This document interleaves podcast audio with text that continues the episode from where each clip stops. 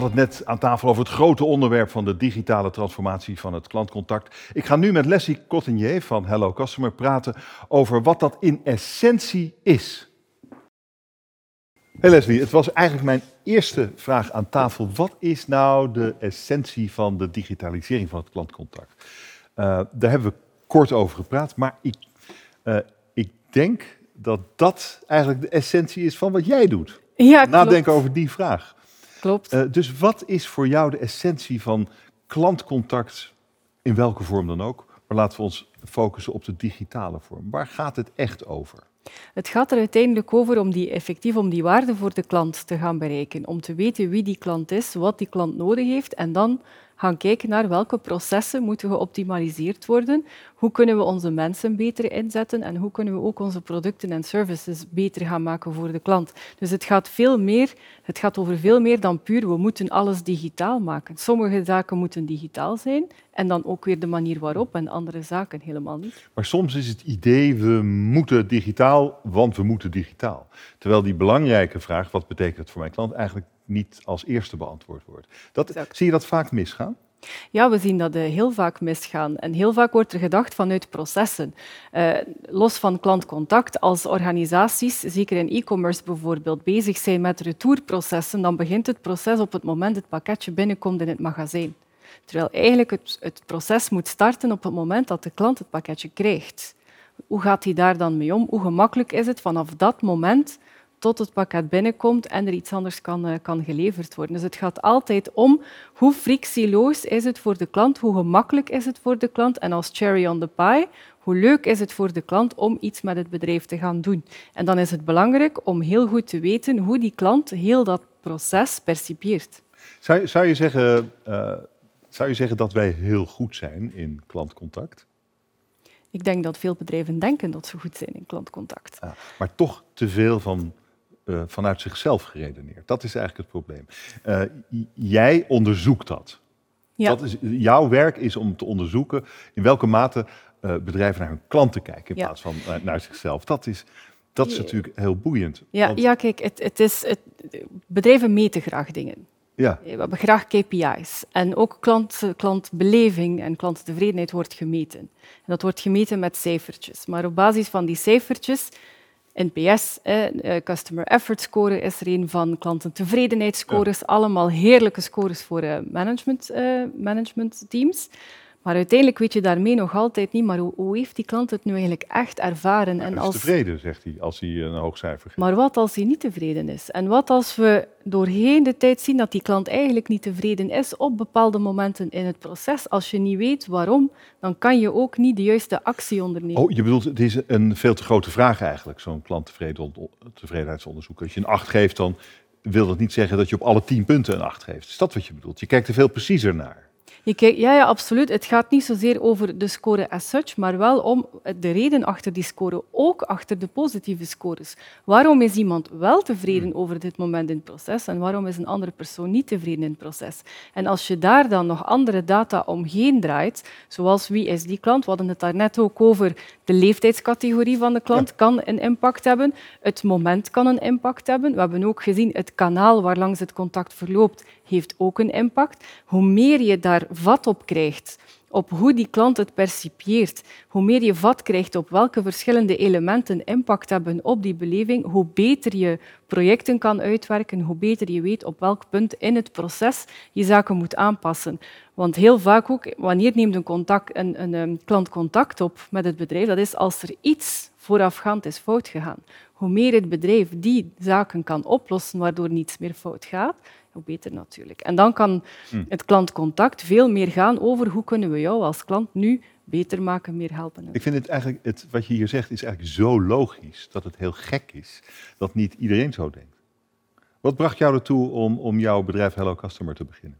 Vanuit mijn vorig bedrijf. uh, dus ik had voorheen een eh, digital agency waarmee we ja, digitale projecten deden voor, voor organisaties, heel vaak marketingafdelingen, websites, digitale applicaties enzovoort. Maar wij voelden zo vaak dat, dat het werd gedaan vanuit we moeten een app hebben, want iedereen heeft een app, we moeten digitaliseren, want het, het moet nu eenmaal, of we moeten kosten besparen. Maar zelden In alle brainstorms en meetings die ik deed met die klant, ging het over de klant zelf.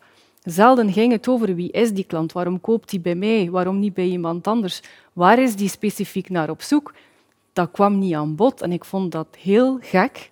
En zo zijn we op het idee gekomen om die kloof te dichten tussen de twee, dat er veel meer begrip is op wie is die klant nu. En dat het dan ook veel verder gaat dan puur klantentevredenheid. Hm. Klantentevredenheid is uiteindelijk de optelsom van goede processen, mensen die de juiste dingen doen, die de juiste kennis hebben om klanten te helpen, en dan producten die aansluiten bij de noden van de klant. En wat levert het je op als je het onderzoek doet zoals jij het nu beschrijft, veel preciezer, veel meer vanuit de klant geredeneerd? Wat levert dat op?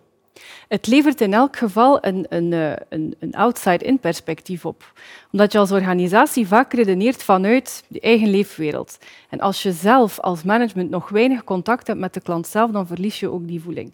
En dan kan het zo zijn dat je, dat je problemen gaat oplossen waarvan je denkt dat het een groot probleem is, terwijl het eigenlijk niet het geval is. We hebben, eh, om, daar een voorbeeld bij te geven, een e-commerce speler in uh, Zwitserland, waar we ook actief zijn, waar we eigenlijk elk contact die er is, elke aankoop op de e-commerce site, gaan wij vragen, wat vond u ervan?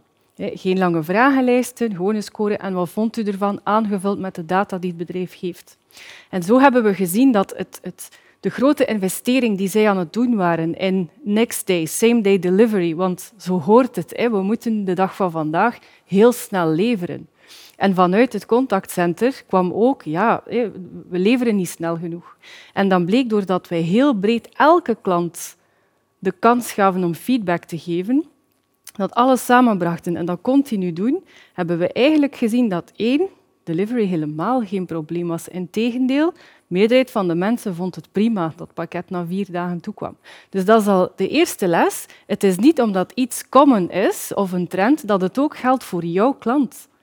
Het tweede is dat ze dan wel iets ontwaard hebben waar ze totaal nog niet over hadden nagedacht. En als je er zelf als organisatie niet over nadenkt, dan komt het ook niet voor in vragenlijsten, dan komt het ook niet voor in optimalisatiemeetings, dan komt het nergens voor en dan wordt het probleem ook niet aangepakt.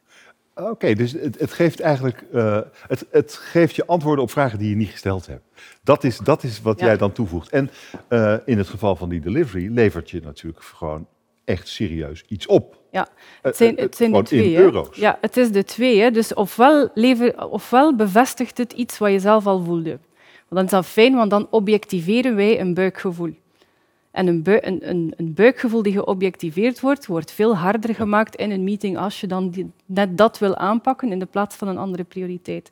En twee, het levert effectief inzichten op over iets waar je totaal niet hebt over nagedacht. In dit geval hebben ze het grote en zeer dure proces hè, om die supply chain naar die hmm. delivery aan te pakken, hebben ze stopgezet en zijn ze eerder gaan kijken naar het andere probleem die, die moest worden opgelost. Oké. Ehm, we begonnen ons gesprek met de vaststelling dat veel bedrijven er toch op een andere manier naar kijken. En toch veel meer vanuit die aanname vanuit de onderbuik. Um, het vraagt natuurlijk wel iets van een onderneming om zo te denken, mindset. Ja. Wat vraagt het precies? Het vraagt eigenlijk een oprecht geloof in alles bekijken vanuit de klant en goed willen doen voor de klant. Daar begint alles mee. Als je 300% gelooft in als we de juiste dingen doen voor de klant, dan zullen wij succesvol zijn als organisatie. Als je op die manier kan denken, dan ga je heel snel ook de, de, de assumpties die je hebt loslaten. Ga je kritischer worden op alles wat je aan het doen bent. Dan zijn we nu eigenlijk wel het juiste aan het doen voor de klant. Oké, misschien niet. Wat kunnen we dan doen om wel het juiste te doen voor de klant? Dan kan het zijn een tool zoals Hello Customer. Het kan ook zijn, we gaan een customer board installeren. Wij zelf hebben die ook. Het kan verschillende dingen zijn, maar je gaat op een andere manier kijken naar alle processen, naar productinnovatie, naar de manier waarop uh, klantcontact wordt georganiseerd. Dan krijg je een blijere klant, een betere organisatie. Krijg je ook een hogere omzet? Ja. Niet alleen gewoon een, een blijere klant. Je krijgt een klant die meer koopt, er is heel veel onderzoek die samengebracht wordt. Die koopt meer, die, koopt, die komt vaker terug. Die vergeeft je ook fouten. We zeiden het net ook in de, in de uitzending. Elk bedrijf maakt fouten. Dat is logisch. Maar een klant die geëngageerd is, die laat het los. Maar die beveelt je ook aan. En die aanbeveling, die gelukkige klant op zich, is de beste marketing die je kan hebben. Want dan moet je zelf niet miljoenen of miljarden spenderen aan acquisitie. Ook dit klinkt volkomen logisch. Is blijkbaar niet zo eenvoudig. Waarom is dit moeilijk? Omdat het, ja, er is, het, het is gemakkelijker natuurlijk om grote marketingbudgetten aan te gooien, om advertentiebudgetten er, er tegenaan te gooien. Dat is ook een silo. Marketing doet acquisitie. Eh, contactcenter, ja, die lossen de problemen wel op. Maar het is door allemaal samen te gaan werken rond die klant. En dat is het moeilijke voor heel veel organisaties. Dus, maar hoe, hoe kom je? Dit is jouw business. Wat, wat adviseer je dan? Hoe kom je daar? Hoe kom je op zo'n punt? Want je moet je hele organisatie omgooien. Ja, in eerste instantie, het begint bij de top. Sowieso. Als die niet mee zijn, en dat zien wij ook binnen onze klanten, wij hebben heel succesvolle klanten, we hebben klanten die veel minder succesvol zijn, dan zien wij ook waar eigenlijk het volledige bedrijf mee is op die lijn. Daar waar het niet zo is, dan blijft het allemaal wat steken op NPS-scores en wat een beetje scores doen en that's it. Um, organisaties die wel succesvol zijn, die beginnen ook heel vaak met al die feedback die wij verzamelen van klanten, om dat heel breed in de organisatie neer te zetten. Niet alleen in het market research team of rapporten die naar het management worden gestuurd, maar de agent zelf die krijgt zijn eigen feedback. En een cruciale factor daarin is deel niet alleen het negatieve of alles wat fout gaat, maar deel vooral wat goed gaat, zodat mensen enthousiast worden over de klant. En dat, dan krijg je die magic spark ook wel voor een groot stuk. In. Wanneer zijn we daar, op dat punt, dat iedereen zo denkt? Als alle bedrijven Hello Customer gebruiken. nou, ik, ik zou het als klant van harte aanbevelen. Dankjewel voor dit gesprek. Heel graag gedaan. ja,